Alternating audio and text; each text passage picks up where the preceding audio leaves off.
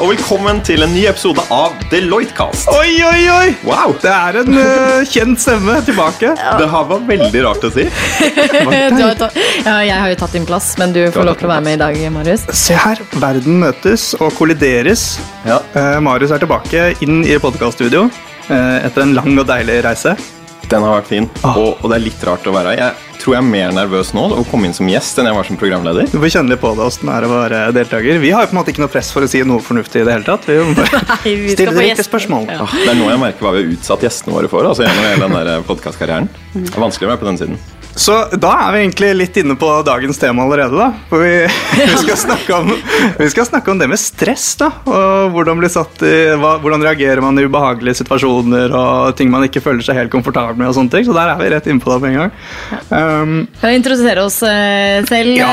Eh, Jeg heter altså fortsatt Guro Grytlisheim. ja. Du? Og så er Andreas eh, her, og vi har altså med Marius, men vi har også med ja, Marius Ja, Jones. Og så har vi med Frøydis òg, Ja. Som sitter her eh, Hei. stille og rolig enn så lenge i båten. Og Det blir nok mer prat fra meg etterpå. Ja. Um, det vi rett og slett skal uh, dykke litt i dag, er altså hva um, Hvordan ser egentlig de Altså, hvordan takler man stress? Hvordan uh, i, I en hektisk konsulenthverdag? I Ja. livet generelt? Ja. I en, Så ja. Vi som konsulenter kjenner sikkert på, på det hver dag. Eh, Mange prosjekter, mange baller i lufta, man kan kjenne seg stressa. Kanskje miste konsentrasjonen òg, for det er mange tanker i hodet samtidig. Mm. Um, og så er nysgjerrig på hvordan henger stressmestring sammen med produktivitet, innovasjon? Mm. Og hvilke verktøy kan vi bruke for å kanskje bli bedre, da? Ja, ikke sant? Hvordan kan man omstille huet litt, eh, slik at man eh, tenker seg om før mobilen vibrerer og man titter på den, eller, eh, eller andre måter å håndtere distraksjoner og Ja, sant. mm, sånne ting òg. ja, så Derfor har vi fått med oss to eksperter på temaet. da. Frøydis er vår kliniske psykolog her i dag, faktisk. Ja. Vi har flere av dem på huset, og, eller noen, og du er en av dem. Eh, Så Frøydis og jeg jobber jo mye sammen i HC, altså Human Capital og lederutviklingsprosjekter, så her vet jeg at det kommer mye gull. Og så har vi med oss eh, mindfulness-eksperten vår, eh, Marius, eh, som eh, har vært på reise et halvt år. Funnet seg sjæl. Ja. Ja, det, var, det har vært litt sånn funnet seg selv-greier altså, faktisk Ja. på den turen. Um, Og nå tar du, skal du ta en doktorgrad. Ja, Så jeg er fortsatt på en måte en del av Deloitte-familien. Jeg har ikke hatt en helt exit. Jeg er fortsatt på permisjon. da. Vi har vært nå siden desember, men skal nå da først og fremst være på Handelshøyskolen i Bergen de neste fire årene. Og ta en doktorgrad der og forske på team og samarbeid med en gjeng der borte. Så det er også veldig kult at du, du fortsatt er i, i loopen og har, uh, har en viss form for ansettelse, men du er ikke her hver dag, du er ikke liksom sånn, men uh, vi kan fortsatt eh, leke med deg. Det er vi veldig glad for. Og masse erfaringer i forhold til det med, med både growth mindset og, og stress og, og andre typer ting også. Men kan vi, kan vi ikke begynne der, da? Har du funnet noen gode måter å takle stress på siden sist? Ja, siden sist. Jeg, jeg tror jeg har begynt å lære litt om det. Um, og jeg tenker jo at min sånn um, Når jeg for alvor begynte å, å fokusere på stress og tenkte at dette er noe jeg må gjøre noe med, det var vel egentlig i studentfrivilligheten i Trondheim. Og Da hadde jeg et ganske sånn stort verv uh, som leder for det som het den internasjonale studentfestival i Trondheim. Og det var vel første gang jeg på en måte, i tillegg til å håndtere det stresset som kom med en studenthverdag, hvor du må på en måte prestere for deg selv, også følte at jeg fikk mye press fra andre mennesker. ikke sant? At jeg var leder for andre. Eh, kjente på deres behov. Eh, kjente at jeg måtte, måtte stille opp for veldig mange da, og, og følte meg liksom trukket i veldig mange retninger. Eh, og jeg tror jeg håndterte det sånn middels bra. Eh, jeg syns det var ganske krevende, egentlig.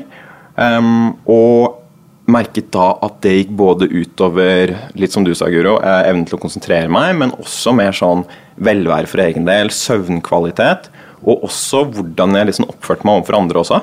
Eh, der merket jeg at litt min sånn skyggeside og litt temperamentet mitt også kom ut der. da. Uh, I tillegg til litt sånn rent sånn fysiske ting. Jeg merket etter hvert at jeg begynte å stramme kjeven ganske mye. Det var faktisk et rent sånn fysisk symptom. At det gjorde vondt, liksom? Eller? Ja, at jeg støl, liksom klemte tennene sammen. Ja. Eh, bare av på en måte at stresset satte seg liksom fysisk. da. Uh, og da, da gikk det opp på en måte noen litt sånn der alarmklokker for min del da, om at ok, dette må jeg gjøre noe med. Og jeg tror det var da egentlig at jeg kom inn på mindfulness, eller begynte å gjøre det jevnlig. Eh, og da var det litt sånn ok, hvordan, skal jeg håndtere dette her? Og um, noe som jeg på en måte kom på da, var, var dette her konseptet med mindfulness, som jeg hadde lært jeg tror fem år tidligere, men litt sånn glemt bort. Uh, og da var jeg på en sånn tur i India. Um, og skulle da egentlig gjøre sånn internship for ISEC, en sånn ungdomsorganisasjon. Som egentlig endte opp med at vi var hos en litt sånn gammel indisk mann som skulle kjøre en sånn veldedig organisasjon, men egentlig ikke gjorde noe i det hele tatt. Hvor vi satt ute i slumområder i India ble tatt bilde av, sånn at han kunne på en måte få mer penger inn i organisasjonen sin. Og så tenkte jeg at dette gidder jeg ikke å være med på, så jeg reiste ut og, og, fant da ut at det var et sånt buddhistisk tempel i Nord-India som da hadde et ti dagers mindfulness-kurs. Da. Så sånn, okay. tenkte at dette må jeg være med på. Ja, dette er nytt og spennende og alt mulig sånn. Og, ja, ja. og, hvis det er ett sted du skal lære det, så er det i Nord-India, selvfølgelig. av en eller annen. Det, det var det i, i, byen da Dharamsala, hvor uh, de eksiltibetanerne som da på en måte har rømt fra Tibet etter at kineserne har tatt over der, inkludert Dalai Lama, bor der da og har satt opp da, eh, dette Tushita Monastery. da, hvor de har introduksjonskurs til buddhisme. Så det var egentlig der hvor jeg lærte det. Hva var Dalais sin rolle inni det hele da? Nei, Han er ikke med og holder det her, altså. okay. men han er på en måte den åndelige lederen for det community som er der av eksiltibetanere. Og så gikk det egentlig litt sånn i glemmeboka eh, før jeg begynte å kjenne på at ok, nå, nå har på en måte stresset tatt litt over. Og da kom det litt sånn tilbake med at dette kunne være en metode da, for å håndtere stress på. Hmm. Hva er det som er, eh, er, altså, ok, Vi må ha kort oppsummert, siden vi er inne på det. Hva, mm. hva går dette med mindfulness uh, ut på? Hvorfor skal vi bry oss om det i en moderne hverdag? Mm. Så jeg tenker at Mindfulness er ikke sånn som på en måte er den store løsningen på alt av stress, men det, det kan på individnivå på en måte hjelpe deg å håndtere det. Og, og sånn kort fortalt hva det er, så, så er det en definisjon av en som heter Jon Kabat-Zinn som er ganske god. Hvor han sier at mindfulness det er å rette oppmerksomhet mot noe i nuet, altså her i øyeblikket, her og nå på en bevisst og ikke-dømmende måte. Så Det er egentlig at du mm. retter, og det trenger ikke å være i en meditasjon at du på en måte sitter på et lukket rom for deg selv. Det kan være det også, men det kan være i møte med andre. Men det handler om å på en måte observere hva er det som foregår her og nå, uten å dømme det som bra eller dårlig. Mm. Okay, så meditasjon er på en måte en teknikk man kan bruke for Jeg lurer på hva som er egentlig forskjellen på mindfulness og meditasjon. Ikke sant, ja. ja. For det kan jo være flere ting. ikke sant? Litt som Mindfulness kan være noe du gjør eh, både i en samtale, sånn som vi er her, nå, ikke sant? Mm. eller når du går rundt. Du kan spise mindful, men på en måte du er i, i det du spiser istedenfor alle andre steder. ikke sant? Så det handler om på en måte, det er kanskje det omvendte av tankevandring. da. Jeg tenker Hvis du er veldig lite mindful, så går du rundt og tenker uten at du vet at du tenker. Og så er det litt den følelsen du kanskje får når du har eh, spiste opp maten din, og så skjønte du ikke hva var det egentlig som skjedde her. Hvor ble dette av? Ja. Um, eller at du har hatt en hel arbeidsdag, og så våkner du liksom litt av deg selv, og så er du bare sånn Ok, hva er det egentlig som skjedde nå? Så mindfulness er på en måte når du trekker til, eller oppmerksomheten din ut av fortid og fremtid og inn i øyeblikket. Og så er det meditasjon som er mer egentlig det kan være å være mindful, men det fins masse andre typer teknikker også. Der tenker jeg det er mer å på en måte tenke oppmerksomt og bevisst på et eller annet. ikke sant? At du kan... Reflektere og liksom litt ja, sånne ting. Ikke sant? Der har du jo sånn som han eh, Marcus Aurelius, som er en sånn romersk stoiker og keiser, som skrev en bok som heter Meditation. Og han mediterte jo ikke på den måten som vi tenker på med mindfulness. Han bruker mm. dette her som å på en måte tenke tilbake på hva er det som har skjedd i dag, og hva er det jeg har gjort for noe, og hvordan er det jeg ønsker at livet mitt skal være. da. Så det er et mm. skille der. Hva med deg, Fredis? Hva, hvilke teknikker er det du bruker for å mestre stress? Oh, ja, det var det, da. Eh, jeg, jeg, bare for, aller først så sitter jeg og hører litt på hva Mari mm. sier, så tenker jeg at egentlig mindfulness handler jo noe om å putte på en slags brems, da. Fordi eh, hjernen vår er jo veldig eh, økonomisk anlagt. Eh, så den prosesserer jo tusenvis av inntrykk hele tiden. Og jeg tror at det blir så mye automatisert, da. Og særlig i stressperioder så du, du, reflekterer jo egentlig ikke helt over alle inntrykkene som kommer. da. Så Hvis du bruker mindfulness-teknikker, så setter du egentlig litt på en brems. da. Og kobler deg litt på det som egentlig du kjenner, hvis de skal være litt psykologiske her, da. Hva er det som, øh, Hvilke fordeler har det, da, hvis um så jeg kjenner i hvert fall på altså, Jeg har for så vidt alltid hatt troa på det med å meditere, og er for så vidt bevisst på å være til stede her jeg er, men jeg syns det steget, å, å ta det steget ut i å utforske liksom noe sånn som mindfulness, eller det å faktisk sette seg ned og meditere, det steget er veldig veldig langt men, for min del. da. Jeg har et bra tips, eh, fordi jeg ja. drev skulle gjøre research til denne mm. episoden her. Og tenkte, jeg spurte jeg en venninne som eh, mindfulness-instruktør mm. liksom, eh, hvilken bok bør jeg lese for å lære mindfulness. Og så sa hun nei, du bør, trenger egentlig ikke lese, du bør gjøre. Mm. Og så anbefalte hun meg en app som heter Headspace. Ja. Som jeg da bruk, begynte å bruke nå mens jeg er i mammaperm. Og å være i mammapermisjon er egentlig et perfekt øyeblikk for å prøve å være mer mindful. Fordi plutselig så går tida, og så har du brukt opp Har du mista tida med barna. Men i hvert fall så begynte jeg å bruke den appen, Mind, uh, Headspace, og, som på en måte gir deg da ti minutter til å uh, guide deg gjennom en meditasjon.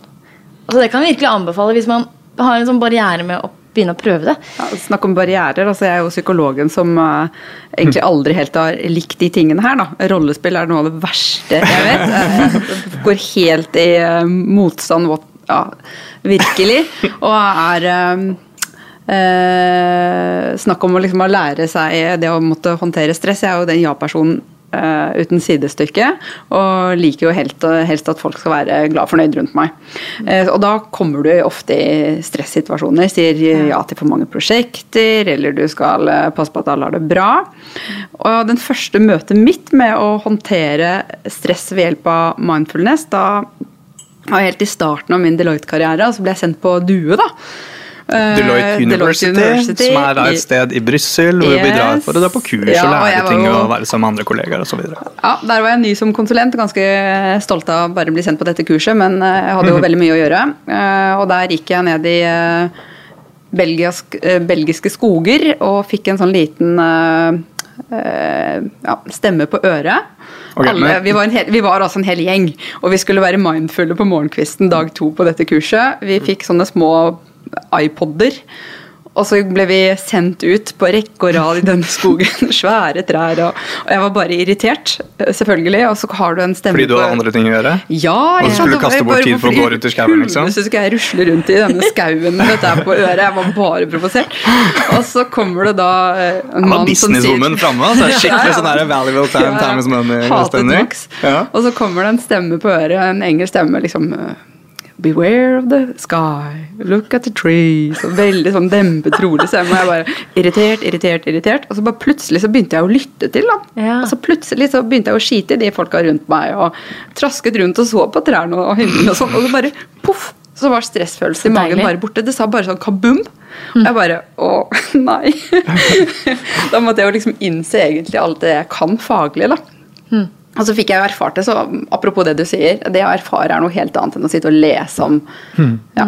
For jeg har bare fram til da liksom, ja, Jeg henger meg på intellektuelt, men jeg er jo ikke der emosjonelt, da, og det er jo det du må være. Du må mm. erfare selv. Og så var det den digge følelsen når den knuten bare var ute av magen. Det var altså så deilig. Mm.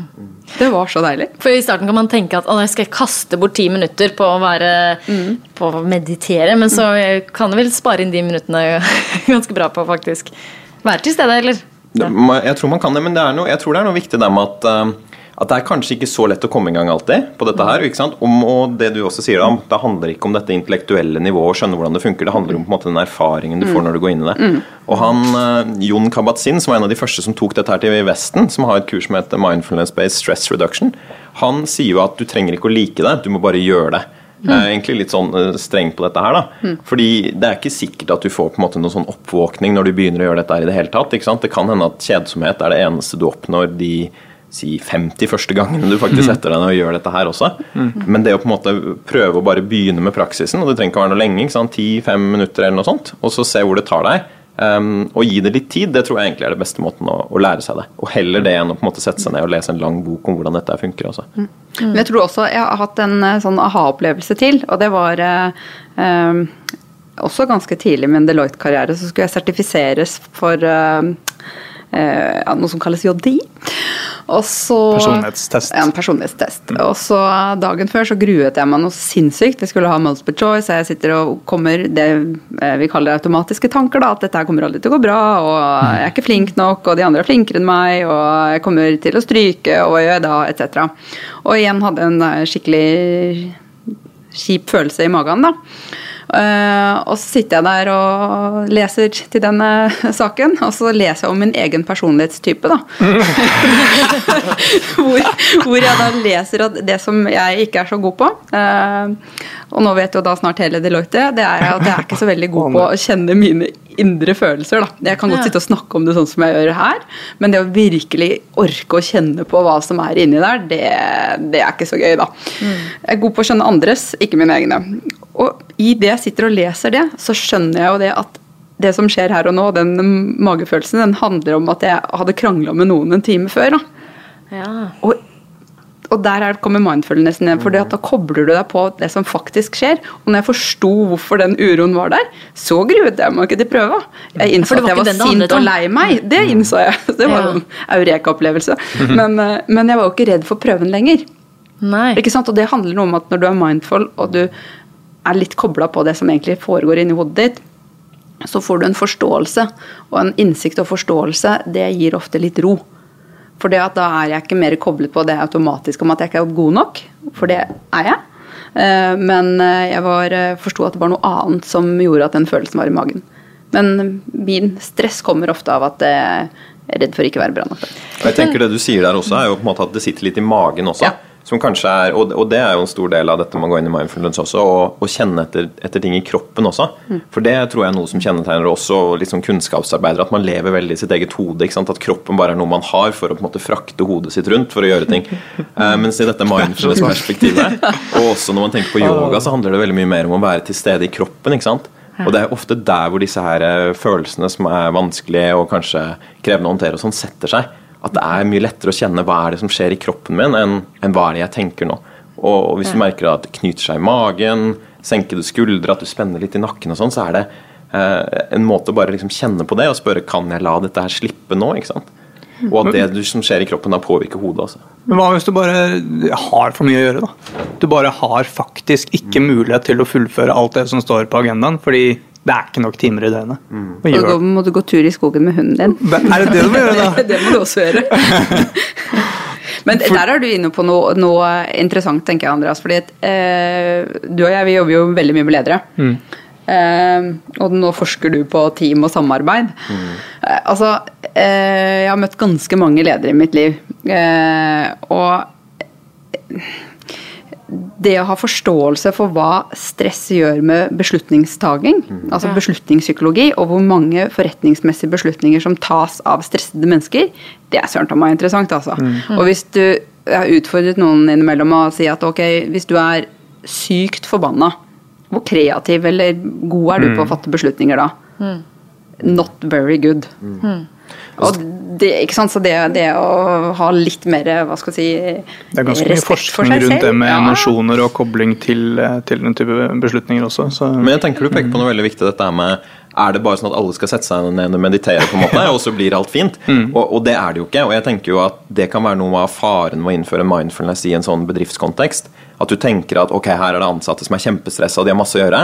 La oss sende dem på et mindfulness-kurs, og så løser alt seg. Og sånn er det ikke. ikke sant? For mm. må, Noen ting kan løses på en individnivå, og det kan bidra til det. At folk på en måte blir litt ryddigere opp i hodet sitt. Eh, lærer å kjenne på det som skjer i kroppen sin og sånn. Men man må jo ta tak i ting på systemnivå også. Og det her har jo blitt kritisert at uh, enkelte selskaper går ut og ruller ut dette her som eneste løsning. liksom Vær så god, medarbeidere, nå har dere mindfulness. Da får dere komme tilbake og prestere, og så får dere jobbe de på en måte uh, eh, 15 timene hver dagen som vi krever. ikke sant? Så du kan jo ikke bare løse det med å vri på denne bryteren, du må jo også gjøre ting på mer på systemnivå ikke sant? Hvis, hvis man skal håndtere dette her. Men jeg tenker, Når vi snakker om stress, da mm. Eh, det er jo, eh, Vi må jo ikke glemme at det er noe som heter positivt stress også. Mm. Mm. Uh, altså Jeg leverer bare... mye bedre mm. når jeg er i et gitt stress, ja, enn når det er treigt. Da er jeg en low performer. Mm. Ja, så det må være, Men det, det, handler jo også noe om det, den opplevelsen at du har kontroll. Mm. Og at du har forståelse. Og hvis, de, hvis, du har kontroll, da, eller en mulighet til å ha forutsigbarhet, da kan stress være kjempefint. Da er du i flytsonen. Ja, når du er i mojoen. ikke sant? Du flyter flyter rundt og er skikkelig eh, det, altså det er jo ingenting som kan eh, gi større kick. Men hvis det blir uten kontroll, eller du ikke kan påvirke, eller det blir rett og slett too much, da kommer det negative inn. Og da er det en helt annen. Men jeg lurer på, når du, du sier du har møtt masse ledere som er i den situasjonen, og, de, og det går kanskje, kanskje utover kreativitet og innovasjon, som du nevnte også, Guro, i starten, at eh, det er faktisk, eller det kan være en link her. Eh, hvis alle går rundt med hevede skuldre og er redde for å feile fordi de er stressa og sånne, sånne ting, da, da, tar du kanskje ikke de mest hårete beslutningene og sånn. Hva har du sagt, eller hva hva gjør du? Hva, hvordan kan man hjelpe Du vet hva, Da designer jo en strategisk eh, workshop. det er en workshop, det er det som gjelder. Nei, altså eh, Der har jeg gjort eh, mange ting. Alt fra å ha én-til-én-coaching. Altså hvor du egentlig bare hjelper folk å få oversikt over ting. Det kan være trening i å prioritere. Og det kan være bare det å gi innsikt og forståelse at det er dette som skjer. Altså noen, eh, mange har en større mm, tendens til å akseptere ting de forstår eh, intellektuell eller det som er bevist vitenskapelig. Da. Eh, og da bruker vi den type argumentasjon inn i det. Mm. Så du tilpasser litt til personlighetstypen kanskje også? Det må du jo. Ja. Du, du, du må jo det. De, du må skjønne hvordan den eh, personen forstår, og så må du forsøke å gi eh, innsikten din på en måte som de vil ta den imot. Da. Mm. Det nytter lite å stå og trekke ting nedover ørene på folk. Da bare bidrar du til stresset. Mm. Eh, eller så må du egentlig noen ganger ta det med gjerningen. Ja. ja at du bare rett og slett setter fingeren eller sier rett ut uh, det som skjer. Men da må du ha Da må du virkelig se, sånn at du nailer det. Og ha mye tillit?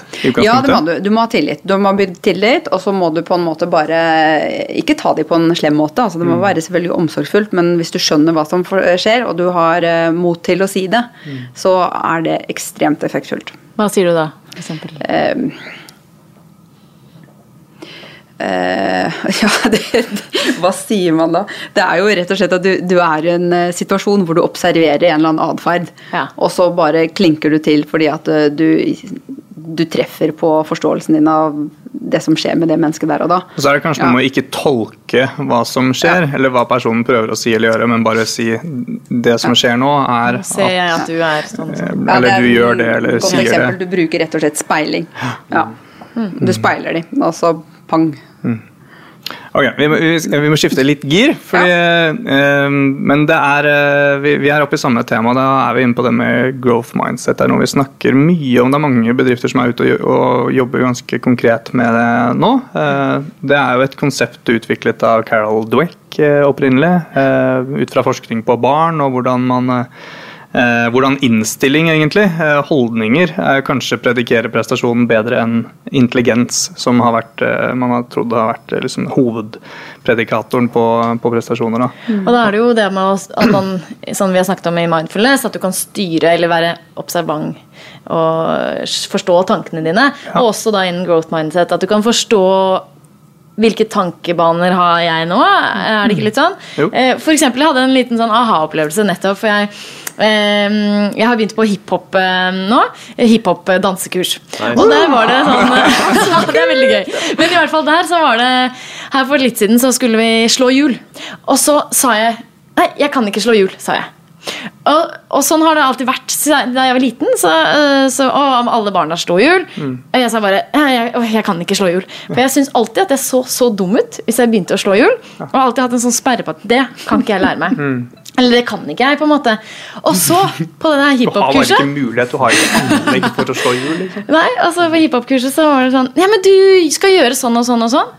Så bare, ja, det klarer jeg jo. Nå, eller nå har jeg innstilt meg nå skal jeg klare det. Nå skal jeg bare øve. Mm. Eh, og det henger vel mye sammen med growth mindset, gjør det ikke det? At jeg, jeg kan ikke det ennå. Mm. Mm. Ja, det er helt riktig. Og, og tanker og følelser og atferd henger jo veldig sammen.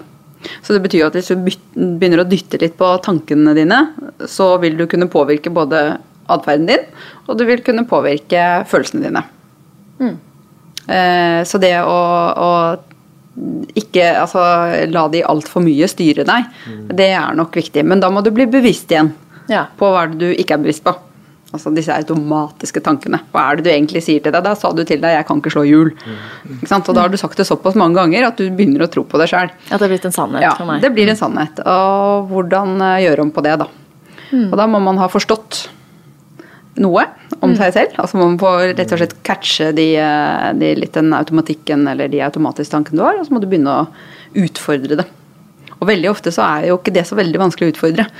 Fordi sånn som meg, jeg kommer aldri til å klare den prøven. Og så begynte jeg å spørre meg selv ok, hvor mange prøver stryker du på? Sånn oftest, og det pleier ikke å være sånn veldig mange. det har skjedd, absolutt, men jeg har faktisk klart de fleste.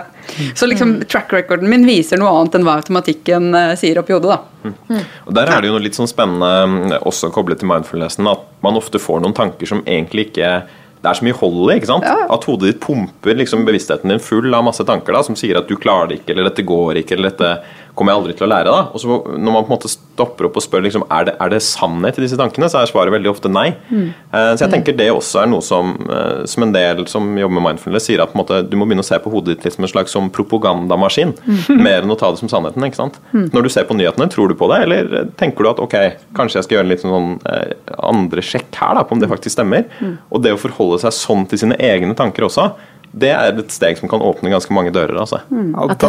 det er kjempespennende. Altså, om, eh, er tankene mine sanne? Mm. Um, oh, dette blir dypt. men, men da, er du, da, er du, direkte inne på det, det vi snakket om tidligere med beslutninger. Mm. I stressa situasjoner, er den tanken, den antakelsen jeg har om denne situasjonen som jeg nå skal beslutte på, er de, stemmer de? Eller er de formet av et eller annet? Eller er det min egen redsel eller eget stress som gjør at jeg ikke, av forskjellige grunner ikke går mot en annen retning? Mm. Det er spennende. Mm. Eh, hva, hva, gjør man for å, for å omstille og så bli mer jeg, jeg, vil tippe at for mange som hører på dette her nå, så er det sånn Oi, dette her ble vanskelig å forholde seg til. Mm. Dette her, eh, altså Drive og dømme egne tanker. Altså, det er eh, det, det er veldig vanskelig, og så er det litt sånn paradoksalt også. For hvis du på en måte skal tenke at i tankene mine er ikke sanne, hvordan kan du stole på at det er en sann tanke også? ikke sant? Så det er sånn der, hvor, hvor, er du begynner med dette her og nøste opp i det? Men, men, jeg har på en måte en regel sånn for meg selv som jeg syns er veldig nyttig, da, om at mm, fra, eller før frokost og etter klokken ti om kvelden så stoler jeg ikke på det som går i mitt eget hode.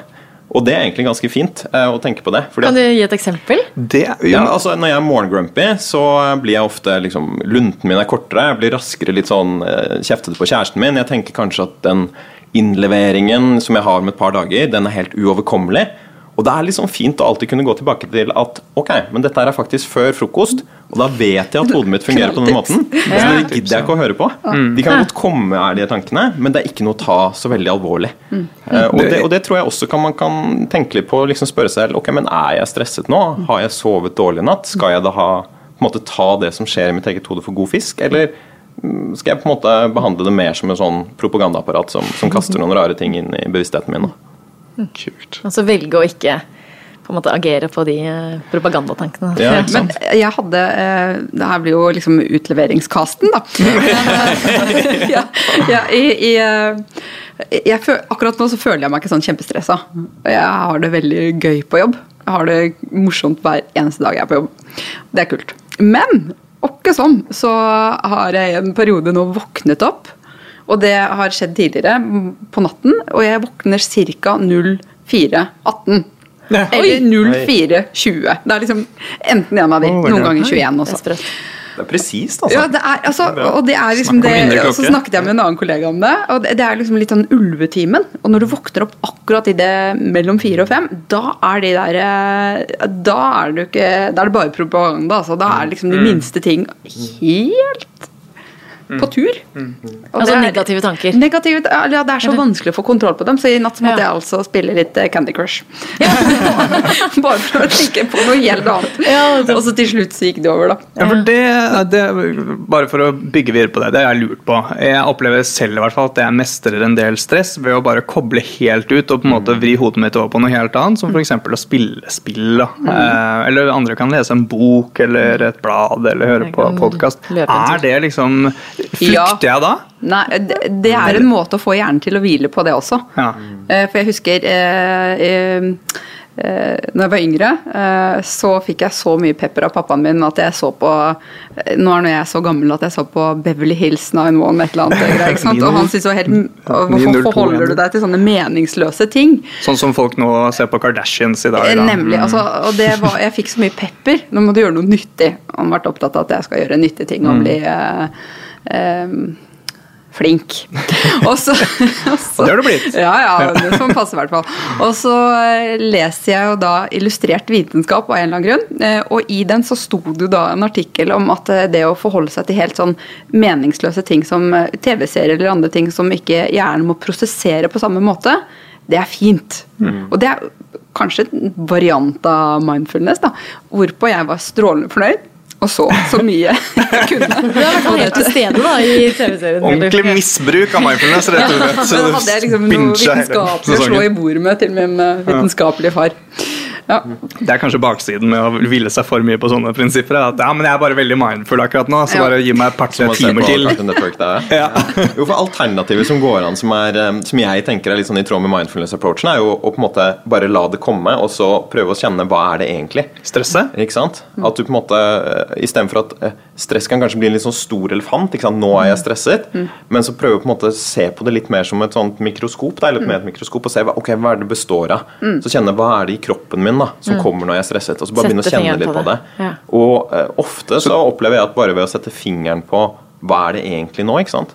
Så, så hjelper det også med å ta det vekk. Så, Så det er ikke å sette opp lister på hva er alle de tingene jeg skal få gjort? Mm. Det er, er det en del jeg, av det? jeg tror også, altså jeg tenker jo at de går litt sånn sammen. Da, mindfulness og litt sånn getting things done og to-do-lister Ja. kan hjelpe hverandre. Men også det bare på en måte sitte, kjenne på hva er det som rører seg i meg nå. da Og sette ord på det kan også være noe som hjelper å roe det ned. Eh, Men hvis vi tenker meg litt tilbake til det her med growth mindset, i det å Mm. liksom skulle bli bedre på det, ut av fixed mindset, som også er et begrep her. Ja, Vi må litt inn på det. Hvorfor skal vi bry oss Ja, om og dette? Ja, hva er det? Kan du si litt mer om Vi kan jo si litt om eh, opphavet til eh, dette her, da. For det mm, skal vi kanskje ta det enkleste studiet som hun Carol Drecke, gjorde. Mm, Nå vet jeg ikke helt om jeg husker helt riktig, men det handler jo om hvordan du ser på intelligens. Og hvordan det påvirker muligheten til, til, å, til å utvikle deg og forbedre deg. Og blant annet et studie som har blitt gjort, eh, tok de en eh, gruppe barn, eller to grupper barn, og så skulle disse pusle puslespill. Og så får de samme på en måte eh, vanskelighetsgrad. Og så eh, sier eh, eh, forskerne til barna etter hvert når de er ferdige, så sier Oi, så, så flink du var. Du er skikkelig flink. Eh, og så til de andre barna, eller til den andre gruppen, så sier du Oi, godt jobba. Du har, eh, har en god innsats. Og så fikk begge disse to gruppene, de som hadde fått høre at de var flinke, og de som fikk høre at de jobbet bra, de fikk da eh, mulighet til å eh, velge et nytt puslespill. Og da ble de spurt skal du ta et vanskeligere rett, eller skal du ta like vanskelig. Og da ser man at de barna som har fått høre at de er flinke, de tar eh, i større grad et eh, like vanskelig, mens de barna som fikk høre at de jobbet bra, de tar, eh, har større sannsynlighet for å velge et vanskeligere puslespill. Og så var eh, også resultatene, når de da spurte disse barna hvor, eh, hvor, eh, om de hadde klart det, da. Det er jo det kuleste er delen det av forskningen her nå. Ja, og de barna som, eh, de barna som tok et, fikk høre at de eh, jobbet bra, da, hvor de fikk oppmerksomhet på prosess, de var ærligere. De sa når de ikke hadde fått det til. Mens de barna som bare hadde fått høre at de var flinke, de løy oftere. De prøvde å skjule feilene De prøvde å skjule. Og noe av tanken rundt dette her er jo at de barna som fikk høre at de er flinke, de har ikke så stort repertoar i å mestre feil. For hvis du, hvis du ikke er flink, hva er du da? Da er du dårlig. Mens de barna som fikk høre at de jobbet bra, de kunne hvile på at jeg hadde ikke har nok innsats, jeg må jobbe litt mer neste gang. Og dette her skjer jo med voksne også. Og det er litt sånn eh, noe av eh, læringen fra den forskningen, da. Og hvis du drar det til fixed mindset, så handler det om å få en innsikt i hvor er det du liksom er låst, da. Hvor er det du på en måte har dine hang- hangups. Ja, for dette har, har jo ikke bare med barn, eller dette har ikke med barn å gjøre. som sådan. Det er nyttig i barneoppdragelse, eh, absolutt, men, eh, og som lærer. Men, eh, men for oss så er det jo altså, å, å, å Eller kanskje som, som leder er jo en ting. Og, og hvordan gir du eh, oppmerksomhet og ros til andre? Det er jo kjempeviktig. Voksne og barn lærer helt likt. Ja, og, og egen innstilling til en oppgave. Da. At eh, ok, jeg feila, men eh, jeg kan gjøre det på en annen måte neste gang. Eller jeg hadde ikke riktig approach, eller jeg, liksom, jeg kan lære Kan noe av det. Jeg kan det ikke ennå, men jeg kan lære det. Ja, Jeg tenker jo at, at dette er viktig i en sånn tid liksom. hvor vi snakker masse om endring, og at folk skal gjøre nye ting. og at Det du lærte på skolen, det er ikke det du skal på en måte jobbe med i fremtiden. og sånn, At man må drive og omstille seg. Så høres det ut som at dette er noe man trenger å liksom ha som en del av sånn mentalt Ja, operativsystem. Utvikle, ja, utvikle ansatte. Ja, og det de, det de også ser på innenfor growth mindset, er jo disse eh, dimensjonene. Da. Så, eh, Du kan ha fixed mindset knyttet til eh, f.eks. hvordan eh, Hva gjør du når du møter motstand? Prøver du hardere, eller gir du opp? Hvordan er du i forhold til å, andres suksess? Eh, blir du inspirert av det, eller blir du egentlig litt uh, umotivert eller uh, sjalu? ikke sant? Altså, det er fem sånne faktorer du kan uh, se på. Og alle har jo noen fixed mindset tist og pist. Det har alle mennesker. Men det å skjønne de litt, da. Så triggerne sine, liksom? At du skal Ja. skjønne Skjønne hva er det som triggerpunktene sine, ja. Ja. Hvilke knapper er det dette er trygge på Ja. liksom, hos din del? Men er det der at vi kan si at mindfulness, eller kanskje meditasjon, kan være med å gjøre deg observant, da?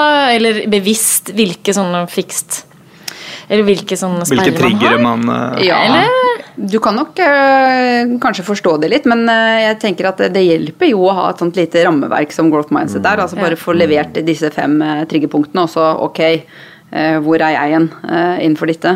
Er jeg god på å ta kritikk? Eh, Bukker jeg under hvis jeg må gjøre litt ekstra? Bare skjønne de. De hjelper deg til å forstå. Og så tenker jeg at eh, det med mindfulness er veldig bra når du skal prøve å finne roen litt, og skjønne deg sjøl litt. Ja. Også i forhold til at, å tåle kanskje negativt stress, da. Jeg tenker jo det er noe i det med å at mindfulness er på en måte å trene evnen sin til å, å ta seg selv i, i tankemønstre og følelsesmønstre når de oppstår. At gjennom at jeg på en måte nå sitter litt hjemme hver dag og, og kjenner på hva er det som oppstår i meg akkurat nå, så opplever jeg også at evnen min til å, å ta meg selv i eh, stress da, når det kommer, også blir bedre. Så jeg føler at jeg på en måte raskere tar det. da, At ok, her begynner det å oppstå et eller annet i meg, og så kan jeg på en måte adressere det eller gjøre noe med det før det sklir helt ut. Nå Så det syns jeg kan du sa noe supernyttig, Ja. for det er, det er trening. Det er det det er snakk om, og det er jo det som er mulighetsrommet her også, da. Ikke sant? Du øver litt. Øver du på Og det er kanskje det, derfor du sier det med det rammeverket i seg selv. Bare å vite noe om ok, det er noen triggere her, og, og ha dem på en måte hengende på veggen og bli bevisst på de hele tiden, gjør at du, at du lettere kan komme deg ut av de sporene. da. Hvordan er det man trener? eh, Hvordan kan jeg bli god på growth mindset? Eh, Da tenker jeg at hvis du setter i lys av disse eh, triggerne, da. F.eks. hvis du er en som ofte gir opp hvis det blir litt ekstra motstand. Eh, Du orker ikke å prøve to, tre, fire ganger ekstra. Eh, Hvis du har forstått det, da, så må du eh, skjønne litt. Da kommer den mindfulnessen igjen. Du må skjønne litt når du har havnet i en sånn situasjon, og så må du høre på hva det jeg egentlig sier til meg selv. Så istedenfor å si 'det går ikke', eller 'jeg orker ikke', så sier du 'jeg er ikke helt der enda'. Ikke sant? Du gir den derre 'jeg er ikke kommet dit enda, men jeg må jobbe litt til'. Og faktisk begynne å si det. Men da må du ha kjent igjen den tanken, da. Ja. Og den er lettere å kjenne igjen når du forstår hvilke situasjoner er det jeg, havn, jeg typisk vil havne opp i. eh, og, få et fixed mindset. Hvor vil jeg gi opp hen? Ja, så det er noe med å kartlegge hva var situasjonen, Ja. hva var det som egentlig skjedde her, Ja. og hvordan reagerte jeg. Ja. Og de triggerpunktene som du snakket om, sa du at det var et bestemt antall? ja. Kan du si hvilke det er? Skal vi se om vi husker det på rappen, da. Ja, det er uh, hvordan du håndterer andres suksess. Uh, det er hvordan du tar kritikk. Hvordan du tolererer motstand, eller altså innsats. Husker du de to siste?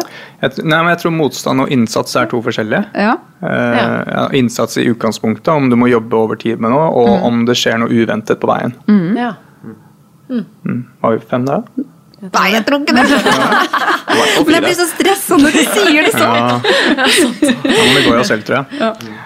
Um, mm. Men det er, en del sånne, det er fem sånne triggerpunkter som man jo kan, man kan lese mer om også. så- Vi har dem, så hvis noen har lyst til å komme opp i 11. i slissen der, så kan vi ha det tilgjengelig. Da, vet du, eller De printe de ut til dere. og, og, og for de som ikke jobber i Deloitte, hvor kan de Nei, da får de Jeg googlet litt google. ja, Ja. jeg googlet litt om eh, growth mindset og så litt på YouTube eh, Ja, det er før episoden. Det er masse spennende å se på. Veldig mye. Ja, og eh, jeg tenker litt av poenget, bare sånn for avslutningsvis, da. Poenget med å snakke om alle disse tingene er i en organisasjonskontekst. altså Vi snakker ikke om dette her fordi altså En ting er at på individbasis som du sier, Marius, så er det kanskje så er det viktig. eh, fordi vi skal eh, jo leve oppi dette her og stresset og, og sånn. Men det har jo en forretningsmessig verdi også, kanskje spesielt dette med, med growth mindset, når du snakker om det på en, i et kultur basis. Altså jeg tenker det at det henger, Triggerne henger på veggen i et åpent område, så alle blir ikke sant, i et bevisstgjøringsledd. Det er én måte å gjøre det på. Og det er jo mer sånn systemting du kan gjøre for å adressere det her. Det ligger jo ikke bare i at nå må dere som individer skjerpe mindsetet deres, men det handler jo f.eks. om hva gjør du som organisasjon når folk feiler, da? Er det sånn at folk da må forlate organisasjonen, eller er det noe man heier på? Og jeg tenker jo sånn som Spotify, husker jeg et eksempel på at de hadde sine sånn fail walls. At hver gang det skjer noe feil, så skriver de det på veggen, og så jubler de. For da har de lært noe nytt ikke sant, om hvordan dette funker. Og det gjør jo selvfølgelig noe med hvordan man tilnærmer seg det å feile. Jeg så jo dette her på hjemmebane til og med, som jeg har, eh, ikke for å utlevere barna mine, men jeg har en eh, sønn som da gikk fra barneskolen til ungdomsskolen, og plutselig så var det ikke like kult med skole lenger, og ikke like mye fokus på, på lekser og sånt noe. Og det var midt i det, denne prosessen hvor vi faktisk eh, jobbet fram et lederutviklingskonsept for en klient, hvor vi brukte growth mindset. Da. Så jeg fikk jo en eh, ja, Les dette her på nytt igjen, da. Ja? Vekke til eh, live litt gammel kunnskap. Og så tar jeg meg pokker ta meg i det at jeg har jo gitt barna mine denne feedbacken, og så flink du er. Og så bra, liksom, så flink du er. Uh, og så tenker jeg pokker heller, dette må jeg jo hjem og ordne opp i. så jeg dro hjem og begynner å si ja, bra innsats. Litt mer innsats, så kommer du dit, vet du. Og så har jeg bare da gitt feedback på prosess og på innsats. Og så gikk det pokker da med en halvannen måned, og så var det helt andre resultater. Det Er det sant? Ja, det er helt, det er er helt rått. Altså, så jeg, jeg har jo sluttet helt å si til barna mine hvor flinke de er. Jeg sier jo bare, bare tilbakemelding på innsats. Og det, det kan vi jo gjøre i en organisasjon nå. Si, og vi er ganske flinke til det, men jeg tror vi kan eh, rose det bedre. Og hvis vi da roser innsats, og også øh, feil, så, så kommer vi en vei. Så godt jobba og bra forsøk, men eh, vi kan eh, klare det enda bedre. Vi, vi må lande den siste femte. Og, og nå her. Hva var den? Det, det er kritikk, og så er det eh, eh, suksess av andre. Ja. Og så er det tilbakeslag når ting ikke går som planlagt. Og så er det de to siste. Det er altså om du er på, måte, på grensen av det du føler at du kan. Ja.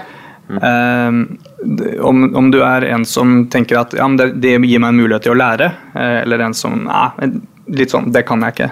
greia. Eh, og den andre er altså innsatsbiten i seg selv. Må jeg jobbe nå i to år for å få til noe? Nei, det er kanskje ikke verdt det. Liksom. Um, eller, Den er du eller jeg kan lære masse av det. Om at du tar nå doktorgrad, f.eks. Ja, Det føles litt at growth mindset må være med der. Altså. Ja, for jeg tenker litt på det når jeg sitter her nå, at nå har jeg på en måte jeg startet litt på nytt. Og, og det er litt ubehagelig også å føle at man er litt sånn nybegynner på det man holder på med. Du får igjen for det. Vi satser på at det Om fire år. Ja. Hvis du gjør det på normert tid. Hvis du. Og hvis ikke, så har du lært masse på veien. Altså, du er ikke noe failure for det. Skal vi si om fire år, hvis Marius kommer tilbake og ikke er doktor, så sier vi 'godt jobbet', eh, Marius, men Da kan jeg lære av feilen. Ja. Det. Og om fire år, om ikke annet, så kan du komme tilbake som programleder og fortsette der du slapp. Tusen takk. Jeg håper vi kan bli en trio da. Da, det, var det, det var altså. det jeg skulle til å si. Da blir vi tre, så, så får vi, og ingen gjester. Det, blir- kjente jeg meg så utelatt her. ja. Men, kanskje du blir eh, Kan jeg få komme tilbake som gjest? da? Du, ikke sant? Ja, det kan du i hvert fall. absolutt. Ja, Det kan jo bare være hos fire òg, kan det ikke det? Som ja fast. det, jeg tenker det. Jeg Det er tenker det. fredag. det var veldig koselig vær. Vi får starte vår egen podkast på si, tror jeg. Eh, De som vil høre mer fra oss fire, de kan sende mail til oss på podcast.deloitte.no, så skal vi se om vi kan få i gang noe der. Eh, Men tusen takk for at eh, dere kom. Det var veldig veldig hyggelig og spennende å snakke med dere. Og ja, Ja, Kjempegøy. Jeg skal eh, prøve mer av dette her framover. Jeg ja, jeg skal få ut fingeren. Jeg har den der Headspace-appen på mobilen. Nå skal jeg begynne å bruke den. eh, Og så skal jeg sette meg ned og tenke litt over eh, hvem jeg er. Jeg skal fortsette å gå tur i skogen, da. Ja, Gå tur i skogen. Jeg må bare få meg en hund og en skog, og så skal jeg begynne med det med en gang. det var det med innsats, da. Eh, nei, men dere, Tusen takk for en herlig episode. Vi håper dere der ute også har fått noe ut av det. Og mm, kanskje det har gitt dere litt ro i hverdagen av å høre på fire stemmer bable i 40 minutter også. Det kan eh, være mindfulness i bare det seg selv. Eh, så Send oss gjerne forslag hvis dere har noen eh, temaer dere ønsker å høre mer om. ja, det vil vi gjerne ha på, som sagt, podkast Podcast. at Deloitte.no. Oh, yes. Fullfører hverandre setninger nå. Det er helt nydelig. Uh, ja, og med det så er det egentlig bare å si tusen takk for nå, og Vi høres. Vi lyttes. vi lyttes!